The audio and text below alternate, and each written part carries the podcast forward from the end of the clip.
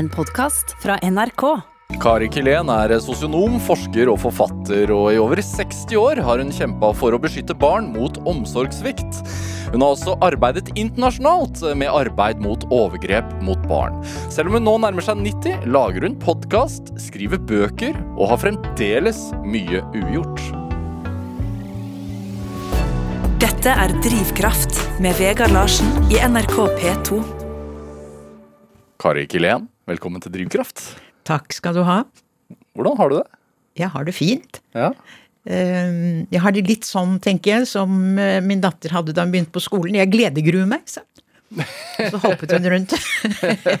ja, Er det i forhold til denne timen, da? At du Ja, ja. gledegruer gle- gledegruer deg? Ja, det er, det er på denne situasjonen nå, selvfølgelig, at jeg gledegruer meg. Hva gruer du deg til?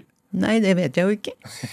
Nei, det, det Vi får jo vet se hva hva denne som samtalen skjer. skal handle om? Ja. Du, um, ved siden av å være sosionom og forsker og forfatter, så, så er du den siste tiden blitt podkaster. Ja. Uh, hva er dette her for noe? Hvor- Altså, hvor, hvor, hvor, hvordan kom dette i stand? Hadde du hadde du hørt på noen særlig podkaster før du selv skulle være en stor del av en? Du, jeg må si at jeg ante ikke hva en podkast var. Nei? For det har jeg ikke hatt tid til å bruke. Jeg har ikke brukt noe særlig tid eh, på det. Eh, Så det var eh, Inga Marte Torkelsen som, som inviterte meg på det. Mm. Og da jeg sa ja, så var det i håp om at jeg kunne påvirke utdanningene. Eh, Og når jeg snakker om utdanning, så tenker jeg på alle de som er innenfor barnevernssystemet. Eh, Alt. Barnehage, helsestasjon, BUP, eh, barnevern. Hvorfor er det så viktig å være med å påvirke det? Jeg syns det er veldig viktig, for nå står vi i en situasjon hvor det er så mye kunnskap tilgjengelig, og som ikke brukes. Hva, slags kunnskap er det? Du, det er kunnskap om, eh, om eh, foreldre-barn-relasjoner, tilknytning og hele traume- og hjerneforskningen eh, som, nå, som nå har kommet og forklart mange ting eh, som vi ikke har, har forstått tilstrekkelig. Noe av det som vi intuitivt kanskje eh, fornemmet for lenge siden, har vi nå på en måte fått skikkelig dokumentert. Eh, Og jeg jobber av og til som sakkyndig, dvs. Si nå har jeg satt punktum for det, for det er veldig krevende. Hva er en sakkyndig? Sakkyndig kommer inn, eh, kan vi inviteres inn for å vurdere eh, om et barn skal, eh, skal eh, bli tatt omsorgen for og plassert i fosterhjem, eh, for eksempel. Eh, Og da har jeg støtt på eh, så mye, så mye mm, Det vil si, jeg har ikke støtt på den. Jeg har erfart at veldig mye kunnskap som vi har, har ikke blitt brukt.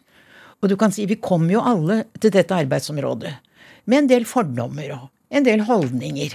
Eh, Og de må jo avlæres. Eh, Og vi må, vi må trekke på den kunnskap som er tilgjengelig, for å kunne, for å kunne eh, konkludere med, med en Ja, på en skikkelig måte hvor vi virkelig har en, en, en faglig forankring. Hvilke fordommer kan det være? Og det kan være Det kan være ja, at vi kan sitte med forskjellige oppfatninger av ulike måter å leve livet på. Litt avhengig av hva vi selv har opplevd eh, av, eh, i vår egen oppdragelse. Det vi virkelig har, har møtt, og de krav som har blitt stilt til oss. Eh, så vil vi ta de med oss. Eh, eh, Vi har jo noe som Og her kommer tilknytningsteorien inn, da må jeg ikke gjøre det for, for vanskelig. Men Bolby, som jo var tilknytningsteoriens far, Hvem er han? eh, han var overlege og professor på Tavistock i London, og jeg var et år hos han. Men han hadde to hovedhypoteser. Og de har lagt grunnlaget for så mange undersøkelser og behandlingsmetoder. Den ene var at vi knytter oss alle til våre foreldre, til våre omsorgspersoner, uansett hvor, hvordan vi blir behandlet. Vi kan knytte trygg tilknytning og utrygg tilknytning. Og parallelt med den, og den er veldig spennende og gir store muligheter for forebyggelse, parallelt med at vi utvikler tilknytning til våre omsorgsgivere, så utvikler vi såkalt indre arbeidsmodeller som du kan tenke på noen indre, ikke særlig bevisste i utgangspunktet, men noen indre oppfatninger av hvordan barn skal oppdras. Ja. Og den tar vi med oss ut i vårt yrkesliv. Så erfaringen fra egen eh, oppdragelse fører til en tanke om hvordan andre barn skal oppdras? Ja. Er det hva, hva er risikoen ved det? Ja, Det avhenger av hva slags oppdragelse du selv har fått, da. ikke sant? Hvis du selv har vært relativt heldig med, med, dine, med dine, foreldre, som har gitt deg plass uh, og muligheter, ja. uh, så er det én ting. Men uh, hvis du ikke har hatt det, så står du jo i fare for å påvirke mm. hvordan andre skal høre. Barndommen varer i, i generasjoner, heter den podkasten. Ja, jeg har skrevet en bok Som også heter det. Som også heter den, så de oppkalte vel podkasten etter det. Hva betyr det? Barndommen varer i generasjoner. Mm. Det betyr uh, nettopp dette at vi tar med oss uh, våre erfaringer, uh, våre opplevelser hjemmefra, og bringer det videre inn i generasjonen til våre barn. Ja. Som igjen kan bringe den med seg. Men nå er selvfølgelig ikke alt sagt om det, for da er det spørsmål hvilke muligheter for utvikling får man i livet. Mm. Det er jo ikke Selv om foreldre betyr enormt mye, eh, så har vi jo muligheter for tilknytning til andre mennesker. Til våre veiledere, til våre ledere, mm. som kan bety mye for hele vår, vår faglige utvikling. Mm. Også, men i forhold til barn i dag som kanskje i enda sterkere grad enn tidligere blir eh, en del av en sånn slags sånn institusjonalisering tidligere i livet. Mm. Hva, hva, fører det til? Du kan si uh, et barn kommer i, i, i, barnehagen. Uh, ti måneder, kanskje? Ti måneder er det mange som er. I hvert fall tolv måneder. Og så er det noen som kommer først senere. Ehm, det som er problemet her, det er da ehm, Har man, har man eh, tilstrekkelige eh, antall personer i barnehagen, mm. og som også er gode nok i sin omsorg til barna, så kan jo det være en, en kjemperessurs. Og hvis det da har vært noen som kanskje ikke har hatt så god omsorg hjemme, så kan jo det kompenseres for i den, i den situasjonen. Eh, men hvis et stadig skifte eh, av personalet eh, og derfor har jeg vært veldig opptatt av, og stor, har stort sett svart ja, når barnehager har kontaktet meg og bedt om veiledning eller undervisning, for de har blitt en så viktig gruppe for barna våre. Mm. At, de, at, de, må få alt hva de trenger for å kunne ta godt vare på barna. Har de blitt en for viktig gruppe? Det syns jeg er et vanskelig spørsmål å svare på. Ja. Eh, du kan si for noen barn eh, så er det ikke så viktig hvis de er trygge eh, hjemme og de får leke- og utfoldelsesmuligheter i barnehagen. Mm. Og ikke nødvendigvis er der fra klokken halv åtte til fem. Så er det én ting. Men hvis det er barn som, som strever med vanskeligheter, så, så, jo, så, kan jo en barnehage kompensere mm. mye for det. Eh, og det tror jeg er en rolle som, som barnehagepersonalet simpelthen er ved å bli klar over. At de har en så viktig rolle. Og derfor må de få en best mulig uh, utdanning. Når du blir spurt om å komme og, og holde foredrag for barnehagen, eller hva, hva er det du gjør da?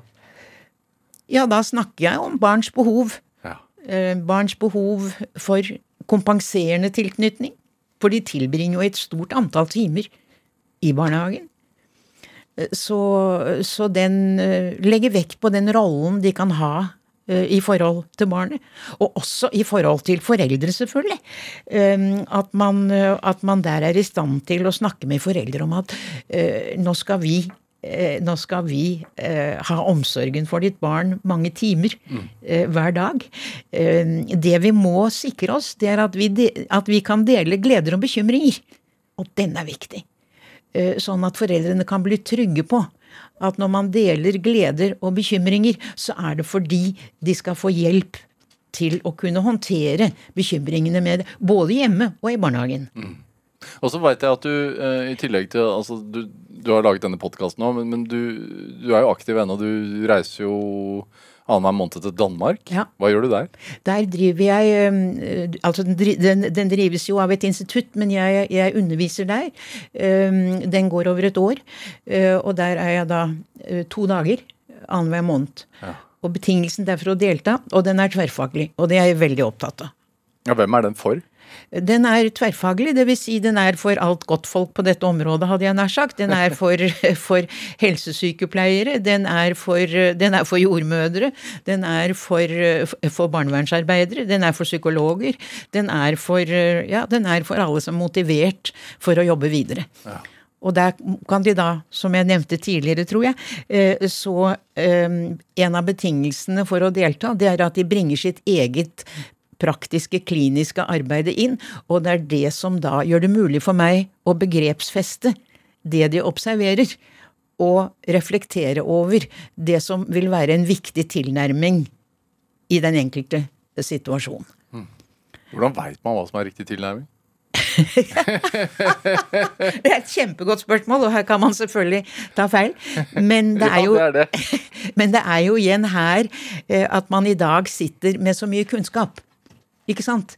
Eh, Slik at man relativt eh, tidlig eh, kan, kan gjøre noen observasjoner av hvordan barna fungerer, f.eks. Um, eh, det er nærliggende for meg å tenke på, på et barn som, som tar seg av sine foreldre. Det var noe jeg møtte da jeg begynte å, å jobbe med overgrep på Ullevål for mange år siden. Når var det? Det var i um, 76. 77. Så tok vi opp uh, overgrep og vanskjøtsel her i Norge på en mer systematisk måte for første gang, da. Eh, så så um, eh, Og da eh, møtte jeg noe jeg vel Jo, jeg hadde vel sett det før, men jeg hadde ikke tenkt på det på samme måten. Det, var, det var noen barn som kunne ta seg av sin syke mor. Kom da, mamma, gå hjem. Og da hadde jeg tårer i øynene omtrent når en toåring beskyttende legger hånden sin i mors hånd og sier 'kom da, mamma, gå hjem'. Det er et barn som har blitt voksen altfor tidlig.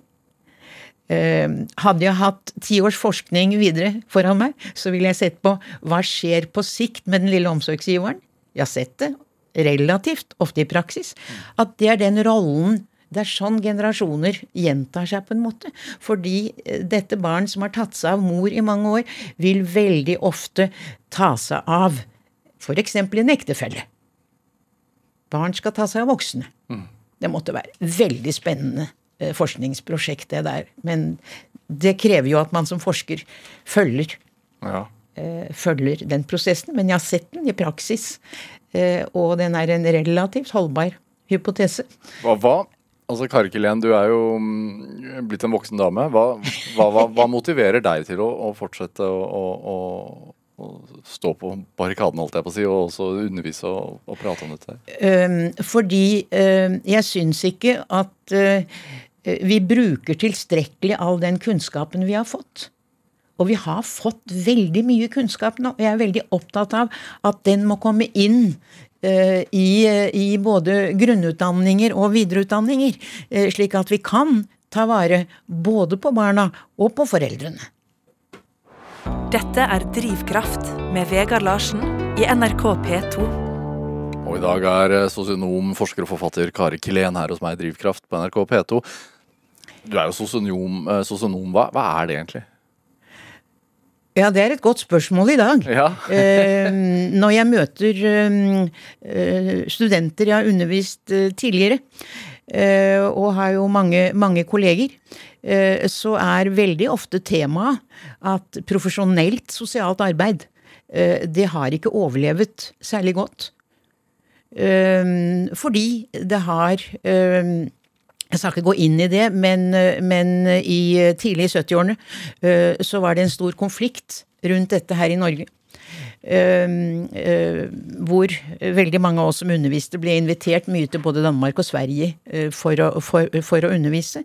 Men her var det en konflikt eh, mellom samfunnsvitere eh, og sosionomer.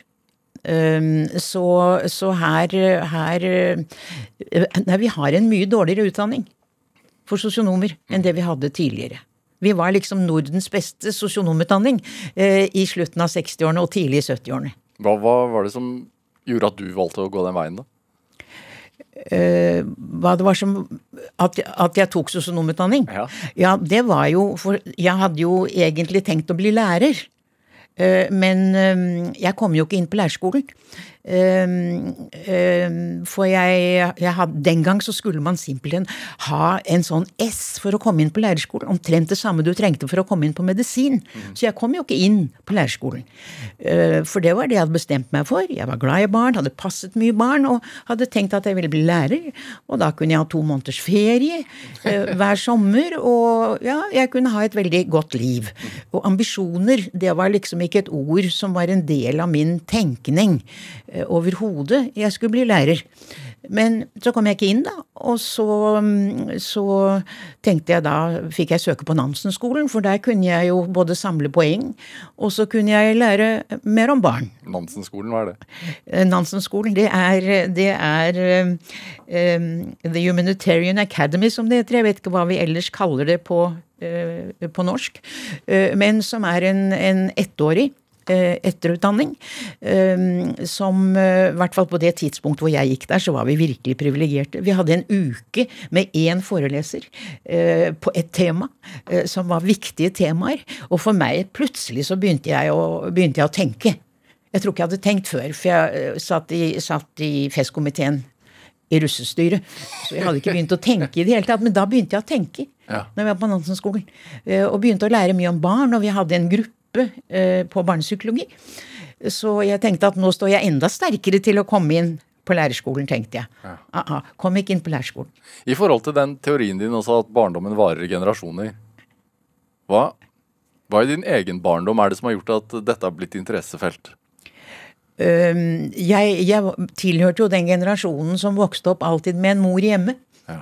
Um, og, når, er, når, er, du født? Jeg er født i 34. Ja. I Drammen? I Drammen, ja. ja. Eh, så vi, eh, vi, hadde jo Og barnehager eksisterte jo ikke, så vidt jeg vet. Eh, det tenker jeg ofte på når jeg ser de tomme gatene her. Det er ingen som hopper tau. Det er ingen som hopper paradis. Det er, det er ikke barn ute som det er liv i. Og hvis det er det, så holder de på med, noe, med, noe, med en mobil eller et eller annet, og snakker med noen andre et annet sted. Så ja, så kan du si min, min, mor, som jo også da var veldig glad i barn og tok mye ansvar, det syns jeg av og til ble litt for mye av det, at hun blandet seg i ting og sånn. Mm. Men det har jo, har jo, jeg også gjort etter hvert. Hvordan var barndomshjemmet da? Hvordan så det ut? Ja, det var veldig hyggelig. Eh, vet ikke hvor godt du kjenner Drammen, eh, men det var sånn oppunder åsen bortover, bortover fra sykehuset Hans Hansens vei. Eh, jeg var der nylig sammen med min søster for å ja, for å si litt adjø for godt. Jeg har ikke bodd der på mange år, men vi hadde litt lyst til å oppsøke gamle, gamle tomter. Og da så vi jo at nå var det bygget overalt, og våre lekeplasser, eh, hvor vi kunne klatre og hvor vi kunne bygge hytter, de var ikke der Nei. lenger. Eh, så, så, jeg føler at vi på en måte har tilhørt en, en privilegert eh, eh, årgang, på en måte. Ja.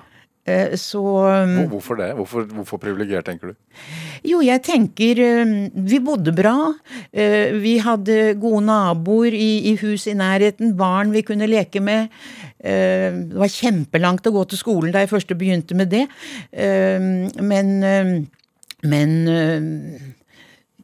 Ja, det var Vi hadde det bra. Mm på en måte. og det var ingen som var opptatt av at jeg skulle, at jeg skulle Eh, ha den utdanningen jeg nå har fått, og holdt på med det jeg har holdt på med. Det var det jo ingen Jeg tenkte ikke på det. De tenkte heller ikke på det. Jeg skulle bli lærer, mm. for det var en, det var en hyggelig jobb jobb å ha. Hvor mange søsken var dere? Ja, en, dere var dere to? To år, to år eldre søster, ja. ja. Og så og moren din var hjemme. Hva gjorde din far? Du, han var, eh, så langt jeg kan huske tilbake, så for, for, det endret seg jo også. Han hadde i utgangspunktet utdanning eh, som maskinsjef, eh, og var, var hos Fred Olsen som maskinsjef en del, en del, år. Men så ble han konsulent for, for fabrikkene eh, langsetter Drammenselven eh, på, eh, på, på maskiner. eh, som da var hans, hans spesialitet. da. Eh, og han hadde jo heller ingen Han var jo heller ikke opptatt av at jeg skulle eh, komme langt her i livet. Nei, jeg skulle bli godt gift, på en måte. Ja. jeg, jeg tror det. ja. Ja, så det, det men, men jeg ble jo veldig opptatt av et barnehjem som var i nærheten. Der hadde jeg ofte med meg barn hjem. Uh, og da husker jeg at jeg syntes at nå gikk mor for langt. For jeg hadde tre stykker i klassen min, og de gikk i uniformer. Stripete uniformer. Og de var med meg hjem og lekte av og til. Og det provoserte mor veldig at de hadde uniformer. Uh, Så hun uh, tok kontakt med Busserinnen eh, og sa at hun veldig godt kunne bidra til eh, at, eh, de kunne, at de hadde muligheten for å ha andre klær, så de slapp å gå i, i, i uniformer. Og det syns jeg var skrekkelig flaut. Altså. Hvor, kom, hvor kom hennes engasjement fra, tror du? eh, vokste opp eh, under gode forhold på Kongsberg. Omsorgsfull eh, familie. Det var bare sånn det var. Det var enklere på en måte å være menneske. Ja. Skjønt hun, eh, hun, hun mistet sin mor, eh, som jeg aldri traff eh, tidlig i, i tenårene, var det vel. Ja, 10-11-12. Men da hadde hun en oldemor som bodde like borti gaten, som bare overtok etter sin datter, som da døde. Så det var veldig samhold i den familien. da. Er det I forhold til det, altså, hvor viktig er det med, med samhold i familien, og at, og at eh, besteforeldre stepper inn og Og jeg tror det er veldig, veldig viktig å ha flere tilknytningspersoner. Det tror jeg er helt, helt avgjørende. Um, og når jeg ser, Nå har ikke jeg noen barn eh, som bor her i Oslo-området, men når jeg ser eh, Jeg har venninner som, som i dag da går inn og følger i barnehage, henter i barnehage, passer barnebarna sine. tenkte jeg, Det er gull verdt for, eh, for, eh, for, eh, for de barna. Fordi foreldre og besteforeldre legger vekt på, på forskjellige ting. Besteforeldre sitter ikke med hele ansvaret for å oppdra barna, så de kan slappe litt mer av i, forhold til, i forhold til barna sine, kunne jeg tenke meg. Det med uh, at du ønsket å bli lærer, men ikke ble det. Hva, ble, var det tungt? Om det var tungt? Ja. Ja, inntil jeg kom i gang der jeg ville. Eh, Men jeg fikk jo omsider et vikariat eh, på, en, på noe som hadde vært en pensjonatskole her i Os eh, utenfor Oslo. Ja. Hvor de åpnet et barnepsykiatrisk behandlingshjem. Eh, Og det, der søkte jeg jobb, og det fikk jeg. Så da hadde jeg et år, Det ble veldig avgjørende for meg. Da hadde jeg et år hvor jeg arbeidet som lærer og det de kalte miljøterapeut, som jeg ikke visste hva var. Men uh, da hadde jeg et antall mellom 12 og 14 barn, tenker jeg, uh, som jeg på en måte Som hang rundt meg, på en måte. Som hadde så behov for å bli tatt vare på, for å bli sett. Og der var det særlig ett barn som jeg ble veldig opptatt av. De, de, de fortalte at hun hadde, at hun hadde epilepsi. Eh, Det tror jeg i retrospekt ikke det var. Jeg tror dette var en traumereaksjon som hun satt med. Av og til ble hun bare borte. Og så tenkte jeg dette her må jeg lære noe mer om. Og så dro jeg opp på det amerikanske biblioteket som lå på Stortingsgaten, og da fant jeg en bok. Den ble veldig avgjørende for meg. For den het Love Is Not Enough. Hva betyr det egentlig? Kjærlighet er ikke nok. Jo, jo, men sånn, jo, det, det forstår jeg, men, men hva betyr det egentlig? Hva betyr At, at kjærlighet ikke er nok? Altså sånn, At det klarer seg ikke med kjærlighet. Du må ha kunnskap også. Ja. Du må ha forståelse hvis du virkelig skal hjelpe disse. Og da leste jeg den boken, og så sk- øh, som da var skrevet av, av overlegen på barnepsykiatrisk klinikk på Chicago universitet. Og så skrev jeg til han og spurte om jeg kunne komme i utdanningsstilling. For jeg hadde hørt nettopp om begrepet utdanningsstilling. Så skrev han tilbake og takket for henvendelsen og ønsket meg lykke til i livet. Men han tok ingen usett. Og så tenkte jeg, og det måtte jeg jo snakke litt med mor og far om hva jeg kunne gjøre med, at jeg måtte jo selvfølgelig dra over så han kunne snakke med meg. Ja. Og så skrev jeg da det tilbake. Og så spurte han meg om jeg hadde bachelor eller master. Jeg hadde jo ikke hørt verken bachelorbegrepet eller masterbegrepet på det tidspunkt. Dette var i 54. 53-54. Um, så skrev jeg da og sa at det hadde jeg ikke, men at jeg kunne komme over, uh, så kunne jeg snakke med ham. Hva, hva, hva altså du, du, du, du, sa tidligere her at, at, ambisjon var noe du ikke uh, hadde begrep om, eller det, det, eksisterte ikke i ditt begrepsapparat. Nei. Men du var jo tydeligvis ambisiøs? Jeg var veldig opptatt av de barna. Tenkte sånn skal ikke barn ha det. Og da jeg så hun som var virkelig belastet av det, og som nærmest hang rundt meg, så tenkte jeg at hvis jeg noen gang skal kunne ta meg av barn som har det vanskelig, så er jeg helt nødt til å lære mer. Ja. Så, så, så, hun ble veldig, og den gruppen i det hele tatt, ble veldig avgjørende uh, for meg, selvfølgelig, og var vel den første uh, drivkraften jeg hadde til virkelig å bestemme meg for noe som, noe som kunne bringe meg videre. Ja, altså En følelse av å ikke strekke til, da, som ja. gjorde at du Ja, jeg måtte lære mer. Ja. Love is not enough. Så da reiste du til Chicago? Ja, så, så fikk jeg da Så sa overlegen der da at jo da, hvis jeg endelig insisterte, så ville han jo treffe meg hvis jeg kom over.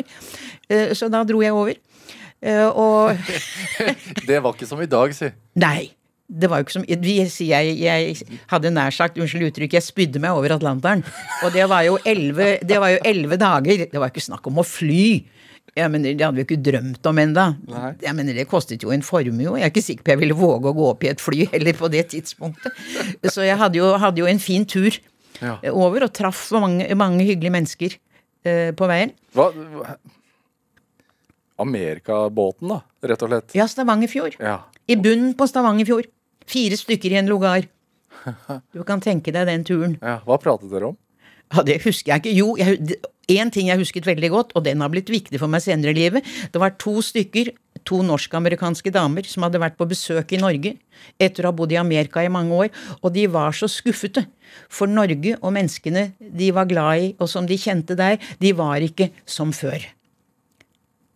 Jeg tenkte ikke mye på det den gangen, Nei. men jeg syntes det var leit for dem som hadde vært hjemme i Norge og blitt veldig skuffet over at ting ikke var var som, det, ja, som de hadde håpet at det skulle være. Da. Hvorfor ble det en betydningsfull samtale? Eh, den ble betydningsfull, for eh, når jeg hadde vært der i to år, eh, så I Chicago? I, i Chicago, på klinikken. Der hvor jeg da ble tatt opp etter en, etter en ukes observasjon. Så, så skulle jeg hjem på sommerferie. Um, og hadde vært veldig i tvil uh, hva jeg skulle gjøre. Uh, for alt var åpent for meg å fortsette min utdanningsstilling. Mm. Uh, og få den samme veiledningen og den samme opplæringen så, som jeg hadde fått. Og så fikk jeg ett godt råd. Det er det eneste rådet jeg har, har fulgt, hadde jeg nær sagt. Det er ikke lett å følge råd fra, fra, andre. Og det var overlegen kom ut til bilen da jeg skulle dra. og så sa han We want you back. There's no doubt about it. But solve your ambivalence, my girl. Løs din ambivalens, min pike. Ja. Hvis du har mennesker If you have people in Norway, family, friends, who loves you and whom you love, you shall stay in Norway. Bli, bli der folkene er glad i deg? Ja. ja. Hvorfor, Så, det, hvorfor, hvorfor var det et viktig valg?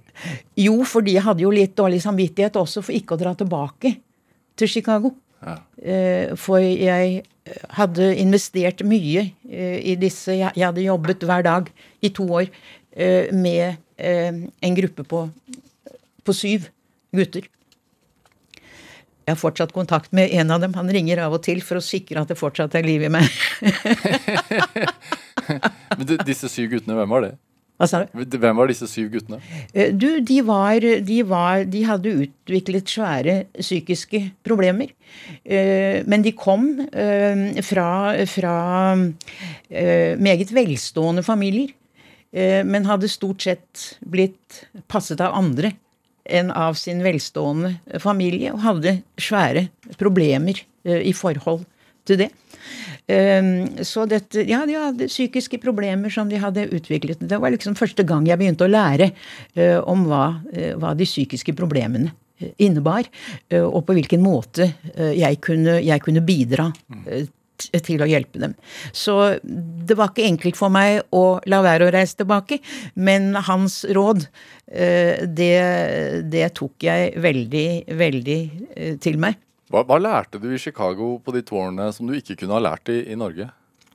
Jeg tror på det tidspunkt eh, hadde ikke Norge kommet så langt i sin, i sin utvikling uh, av, av uh, behandling av psykisk skadede barn. Nick Wall, som jo var en av de virkelig sentrale i å starte det her hjemme, hun hadde jo tilsyn med det behandlingshjemmet som jeg, som jeg jobbet på som lærer før jeg, før jeg reiste over. Uh, og hun, hun, jobbet jo intenst for å få etablert barnepsykiatrien i Norge, men det tok jo mange år, og det, de strever fortsatt. Uh, så, så, og dette var en institusjon, denne klinikken i Chicago var jo på det tidspunkt uh, den virkelig verdensledende. Mm. Hvorfor, har det, hvorfor har du vært så tungrodd? Hva sa du, hvorfor? Har, har, det sittet så langt inne å få det etablert, og du sier at de sliter fremdeles den dag i dag? Ah, det, det, har jeg ikke foretatt noe analyse på, men jeg tror um, En av tingene tror jeg at vi har hatt um, profesjonsrivaliseringer uh, uh, her i landet. Mer enn det jeg har oppfattet Nå har jeg jo jobbet mye internasjonalt, så jeg har jo møtt representanter for de fleste yrkesgrupper. I ulike, ulike sammenheng. Eh, men jeg syns vel at, eh, at eh, profesjonsstridigheter har vært mer uttalt her i Norge enn det jeg jeg både har opplevd i Danmark og i Sverige, for den saks skyld. For jeg har jo undervist mye i de landene også. Så, men hvorfor det? det? det? har jeg ikke orket å gå inn og, inn og analysere. Um, for jeg føler at det har ikke, det har ikke belastet meg noe mer. De siste 20-30 årene, i hvert fall. eh, Kari Klen, eh, vi skal spille litt musikk. Hva sa du? Vi skal spille litt musikk. Ja. Og du, du har med en låt, uh, 'Liten fugl' av Vamp. Hvorfor denne låten? um, fordi uh, jeg både så og hørte den uh, første gangen sunget av han som synger den. Um, jeg har ikke navnet hans her akkurat nå, men, men jeg, jeg, satt og så på ham synge den. Og da hadde han et ansikt som var så betatt. Den het Den lille fuglen. Så han, han så jo simpel, Han satt og så på den lille fuglen mens han sang. Men det viste at det var ikke den lille fuglen han så på. Det var dirigenten, som var hans far. Som, som altså, å se på den, den, far og sønn mm. Jeg fikk bekreftet senere at det var far og sønn. Jeg var ikke i tvil om det da jeg så det. Det var så vakkert å se. Uh, for uh, uh, far var så stolt at du kunne nesten ikke tro det. Og, og sønnen var, var, var, så strålende engasjert både i fuglen og i å bli dirigert av sin far. Ja, Øyvind Stavland og Odin ja, Stavland. Ja, nemlig. Ja, skal vi høre? Det kan vi godt.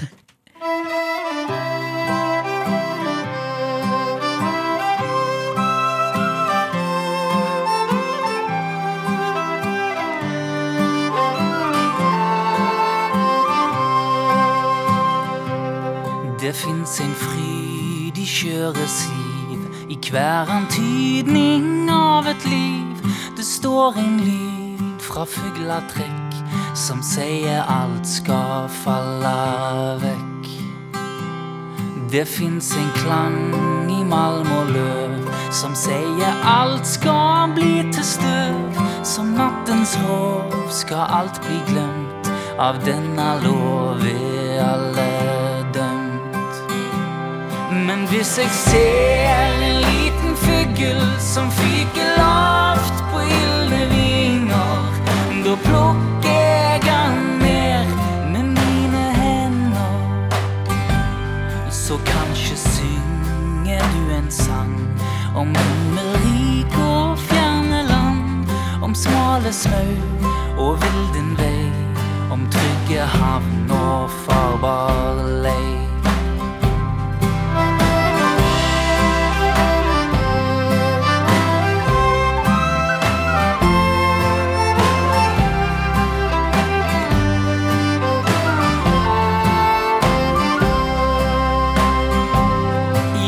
Jeg ser en liten fugl som fyker lavt på gylne vinger, da plukker jeg han ned med mine hender. så fører vinden deg av sted. Når minnet ditt er lyst i fred. Det finnes trøst, det fins ei havn. For hver en savna, hvert et navn.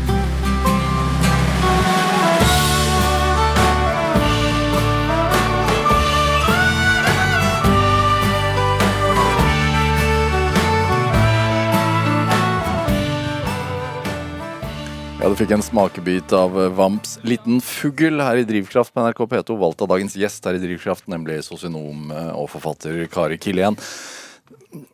Du reiste til Chicago for å lære mer og kom tilbake til Norge. Hva, hva, hva, var målet da? Målet var jo veldig, veldig ambivalent, da. For jeg ville jo gjerne eh, tilbake til Norge.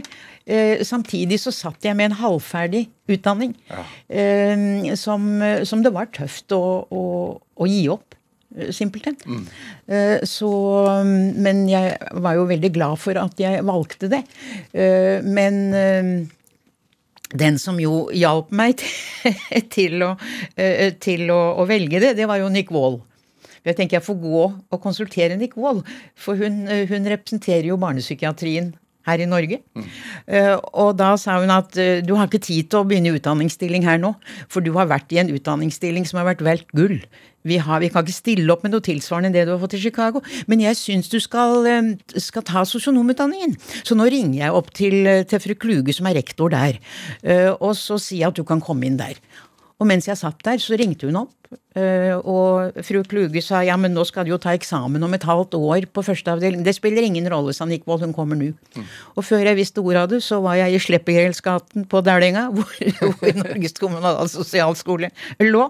eh, Og, og, og ble tatt opp der. Begynte samme dag, hadde jeg nær sagt.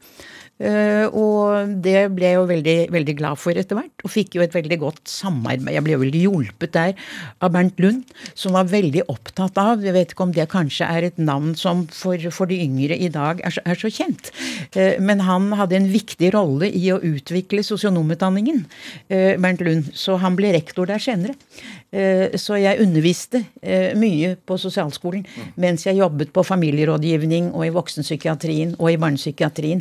Eh, Så, så underviste jeg der på lørdager, da, for da var det lørdag som var arbeidsdag den, den gangen. Så da kom jeg jo både inn i miljøet og ja, fikk noen interessante jobber eh, der. Og da må jeg jo si at jeg har, jeg har vært heldig når det gjelder ledere, eh, som har, som har eh, bidratt mye til at jeg har fått muligheten for videre eh, faglig utvikling. Du har skrevet flere bøker. Eh, 'Sveket', eh, 'Det sårbare barnet', 'Barndommen varer generasjoner', eh, for å nevne noen. Ja. Eh, du har undervist eh, helse- og sosialarbeidere i Norden og internasjonalt i mange år. Eh,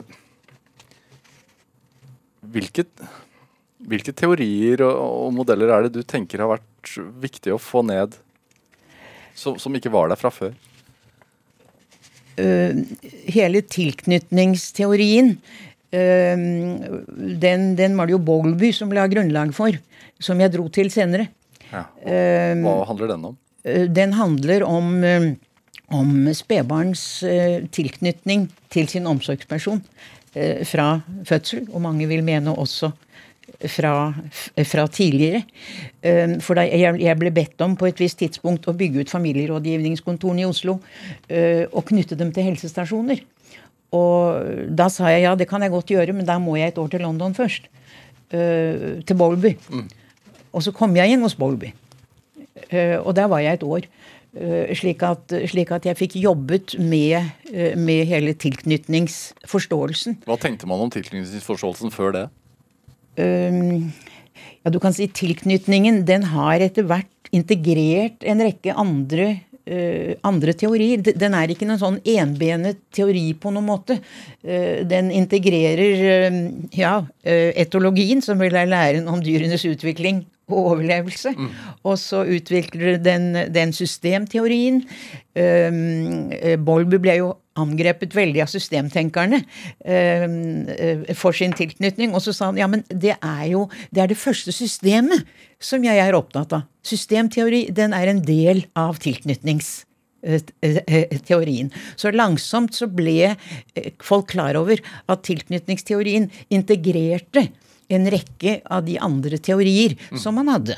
Men er det, er det den som går ut på at man Altså at uh, spedbarn skal være så og så nært uh, sin mor hovedsakelig, da, så og så lang tid i, i starten av livet, og at, at man ikke skal være borte fra barnet mer enn to timer av gangen, og så er det, er det det det handler om, eller? Jeg vet vel ikke om, om, om den er så Eh, så presis. Eh, det avhenger jo hvem andre er. Det er ikke bare mor som er viktig. Far er også viktig. Det er, det er jeg glad du sier. ja, nettopp. Og det har vel du erfart selv også, kan jeg tenke meg. At, at som far så, så, er du viktig. Eh, så, så, teorien har jo blitt utviklet videre. Mm. Så det ligger et problem her.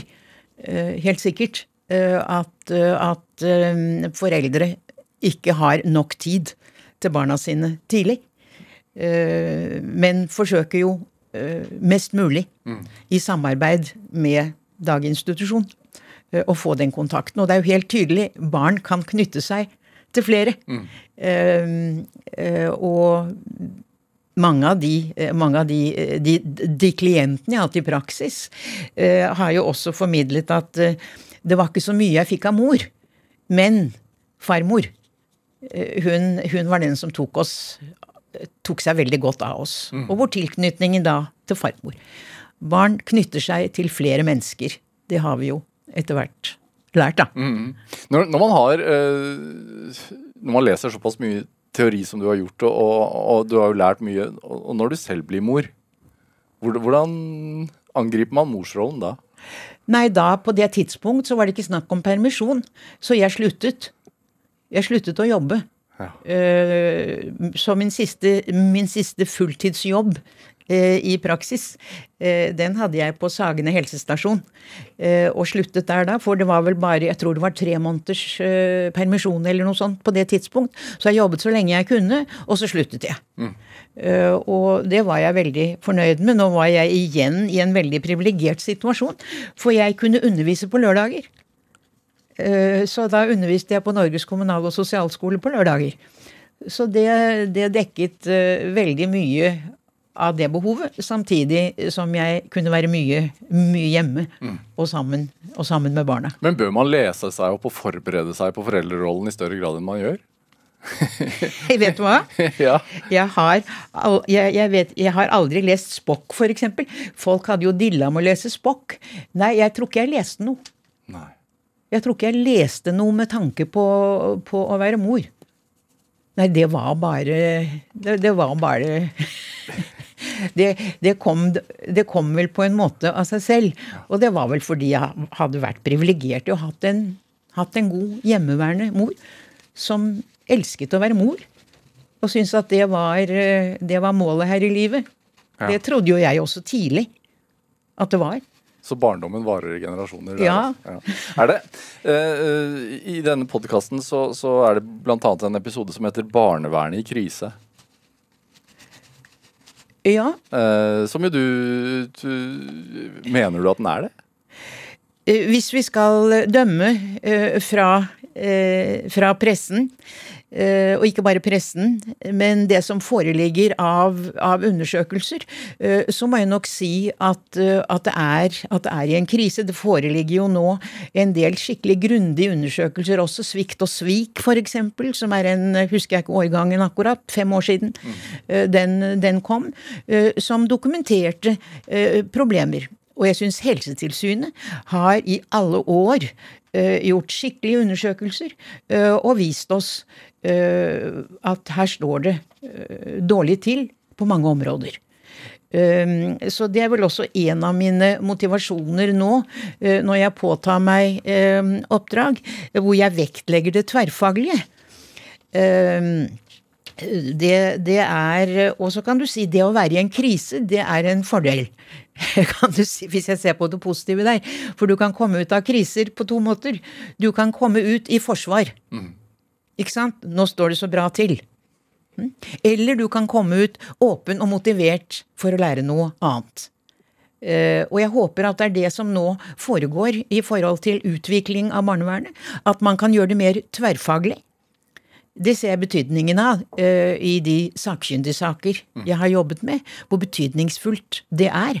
Um, og ikke desto mindre så vet vi jo også at, uh, at noen av konsekvensene av omsorgssvikt, det er helseproblemer. Og det er ganske grundig undersøkt, ikke bare internasjonalt, men også, også, også her i Norge. Uh, slik at vi er helt nødt for å ta med oss helseperspektivet helt tidlig. og det er jo heller ikke det er jo heller ikke eh, hva skal vi si, forsvarlig eh, at unge mennesker eh, som kommer rett ut av en grunnutdanning i barnevern, skal kunne bestemme at dette barnet må plasseres i et fosterhjem. Det er, det er å stille altfor store forventninger. For det vi jo ser, det er jo at, de vurderinger som går inn i, eh, i nemnda, de som går inn i tingrett og lagmannsrett, de er jo ofte ikke ytterligere belyst. Eh, slik at det, som, det grunnlaget som der er lagt mm. hos barnevernsarbeiderne, og det materialet de måtte sitte med, det blir ved. Dette er, dette er nå ved å endres, men det tar tid å endres. Eh, så, men det er ikke tvil om at det er en rimelig realistisk vurdering at vi er i en krise. Men da tror jeg at nå er det så mye kunnskap, så hvis ikke vi benytter den og det tverrfaglige perspektivet, mm. så prioriterer vi verken barna eller, eller foreldrene. Mm. Hvordan er det selv å sitte som sakkyndig i sånne saker? Jeg syns det er veldig krevende. Hvordan da?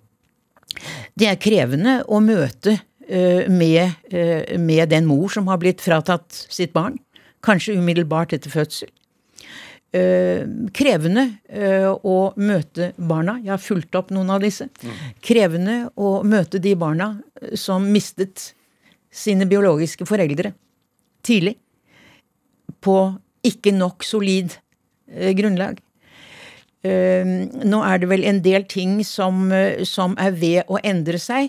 Man er ved å utvide besøksordningen mer, eh, slik at, eh, slik at barna som kommer i fosterhjem, får større muligheter til å være sammen med sine foreldre. For det tror jeg er noe av det vi virkelig har, har prestert dårlig på. Dette at vi har redusert simpelthen besøksmulighetene hos deres biologiske mm. familie. Det ser jeg virkelig på som et svik overfor barna. Mm. Så derfor er det nok å gjøre nå i forhold til å formidle kunnskap eh, som, som vi sitter med. Disse skjebnene, blir de værende hos deg? I min bevissthet? Ja. Um, ja. De gjør jo det. Ehm, og jeg har snakket med dem nå som unge voksne. Mange ganger. Og det er Det er ehm, Nei, det er opplagt at, at det å jobbe på et område så lenge som man kan se seg både bakover og fremover, hadde jeg nær sagt, i hvert fall bakover, så får man så, ja, så er det mye læring i det. Mm. Ikke sant? Når du virkelig blir tvunget til å lære av noen helt reelle observasjoner, eh, så er det mye, er det mye å hente der som man ellers ikke ville. Mm. Når man hurtig går videre til andre, til andre saker. Mm. Det det også, har det også vært et problem, at man for hurtig går videre? Uh, ja, og at man, ikke, at man ikke anvender tilstrekkelig kunnskap i å vurdere eh, foreldre-barn-relasjon og helheten. Eh, jeg er jo veldig opptatt av en mer sånn helhetlig tilnærming til det vi skal gjøre. Slik at vi virkelig kan vurdere eh, foreldre-barn-relasjon og de forhold som påvirker det. Nettverket, f.eks. At nettverket burde i mange situasjoner ha blitt anvendt mye bedre som fosterfamilie. Hva mener du med nettverket? Nei, Nettverk det kan være noen i familien. Eh, det kan være godt bekjent venner. Er det Er den Den følelsen det altså, Du sier at det, det, er i din bevissthet. Er det også en av grunnene til at du ikke pensjonerer deg? At du, og at du fremdeles ser fremover? Ja, jeg ser faktisk fortsatt fremover. Nå har jeg sagt fra til mine oppdragsgivere, eh, særlig de som jeg har jobbet med i mange år, nå må dere si fra eh, når, når dere syns eh, at jeg, at jeg bør gå av i den jobben jeg har der. Ja. Så må dere være helt ærlige. Men foreløpig så har jeg ikke fått den tilbakemeldingen. Altså, så det er, en, det er en motivasjon for meg, det. Og, og selvfølgelig eh, når det stadig kommer forespørsler, så må det si, så må det bety at mange erkjenner nødvendigheten av å ta opp i seg og anvende den kunnskapen eh, jeg forsøker å formidle. Da. For det handler jo kun om to ting. Det handler om å forstå, og det handler om relasjonskompetanse. Mm. Det er de to viktigste eh, tingene. Og det er mengder av kunnskap å trekke på. Er du Ser du lyst på, på, den, på den, utviklingen? Um, ja, lyst på den måten at jeg ser på det som vi er i en krise. Og at den krisen, den, den Man kan komme i forsvar. Det er, det er en måte å komme ut av en krise på. Det er en veldig dårlig måte. Og så er det virkelig å engasjere seg videre. Og, og, og, det er der jeg tror at en krisesituasjon, forhåpentligvis, både hvis vi har politikere uh, og, og, fagfolk uh, som, er, som, er, motiverte uh, til, å, til virkelig å gjøre noe med det. Mm. Hvor stort Hvor stor del av problemet er det økonomiske? Fra, fra bevilgende myndigheter, mener du? Mm. Det burde jo ikke være det. Hvis det er. Mm. Men du kan si nå har man planlagt bachelorutdanning og masterutdanning. Jeg sier jeg gir nøkken i om det er bachelor eller master, så lenge man ikke vet hva innholdet skal være. Og man er opptatt av å bringe inn det innholdet. Eh, vi har ikke behov nødvendigvis for mer akademisering. Men, men, men vi må vite hva som er viktig. Mm. Er, er det eh, Skriver du på en bok også nå? Ja. ja. Hva handler den om? Nei, den handler om eh, Jeg har fått, fått tillatelse til å skrive en bok av de familier, av fire familier hvor jeg har vært sakkyndig. Uh, så den skriver jeg sammen med min mann, som kan mer om systemene enn det, enn det jeg kan. Jeg, jeg, jeg, skjønner meg på folk, hadde jeg nær sagt barn og foreldre og, og familier og relasjoner. Mm. Eh, men er ikke så god på de mer sånn juridiske og, og, det som er nødvendig, selvfølgelig. Men det er noe med å kunne systemene oppover i det politiske systemet også. Teori er jo én ting, men, men det, det, menneskelige aspektet er jo, er jo også en side av saken. Hvor viktig er det å altså Jeg leste noen intervjuer med deg hvor du fremhever din evne til å glane. Ja. Um, um, det er selvfølgelig Du kan ikke bruke en teori hvis du ikke er i stand til å begrepsfeste det du ser. Her var jo Chicago en gave til meg, kan du si. Mm. Fordi min opplæring besto jo i og kanskje fordelen var at jeg ikke kunne så mye fra før. Min, min læringsprosess den besto i å diktere inn hva jeg så beskrive både barnas reaksjoner og mine egne reaksjoner. Så da få hjelp i veiledning til å begrepsfeste dette. På den måten så kom teorien inn i det praktiske. Mm. Og det syns jeg er en begrensning eh, når det gjelder utdanningene eh, noen av utdanningene våre. Eh, for mange år siden så måtte man ha flere års praksis for å komme inn på sosialskolen. Det ville ikke ha vært dumt. Fordi det er noe med å knytte teoretisk kunnskap til, til, det praktiske man har sett. Det tror jeg er noe av det viktigste del av læreprosessen. Mm. Fordi det er en å sitte overfor veldig belastende familier, foreldre og barn som strever med sine liv. Det er jo følelsesmessig også så belastende at det kan jo begrense hva vi er i stand til å se.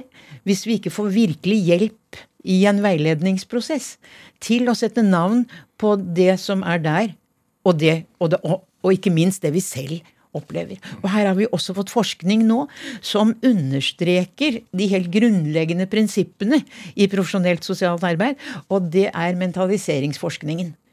Og den innebærer å kunne se klientene, kunne forsøke å forstå eh, hva det er de strever med, og kunne registrere egne eh, reaksjoner og holdninger, og kunne ha en forståelse av det, for derved å få også noe mer kontroll på det. Kari Kilén, hva, hva, er drivkraften din? Hva sa du? Hva er din drivkraft? Min drivkraft? Ja. hva skal jeg si? Um, det er opplagt at, at, de barna jeg har sett uh, som har strevet, og de foreldre som har strevet, det er en viktig drivkraft. Um, og så ser jeg jo at det går an å gjøre noe. Det, det, er jo det jeg også har erfart. Eh, at, eh, at, eh, det er mulig å hjelpe mange flere enn det vi gjør. Jeg vet ikke noe mer utover det enn at Nei, og det, en, en del av, av, drivkraften nå, selvfølgelig, det er at aldri har vi hatt så mye kunnskap før.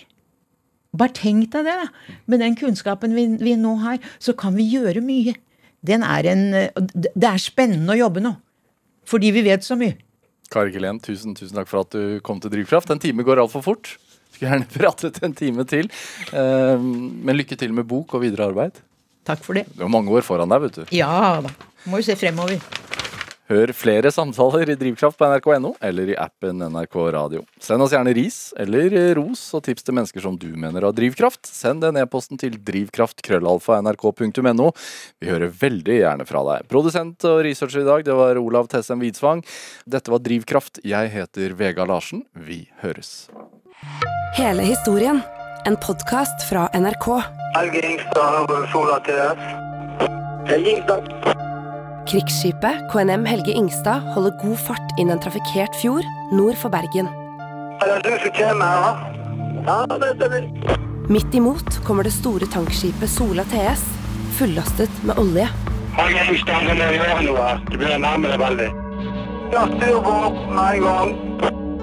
Havariet KNM Helge Ingstad hører du i appen NRK Radio.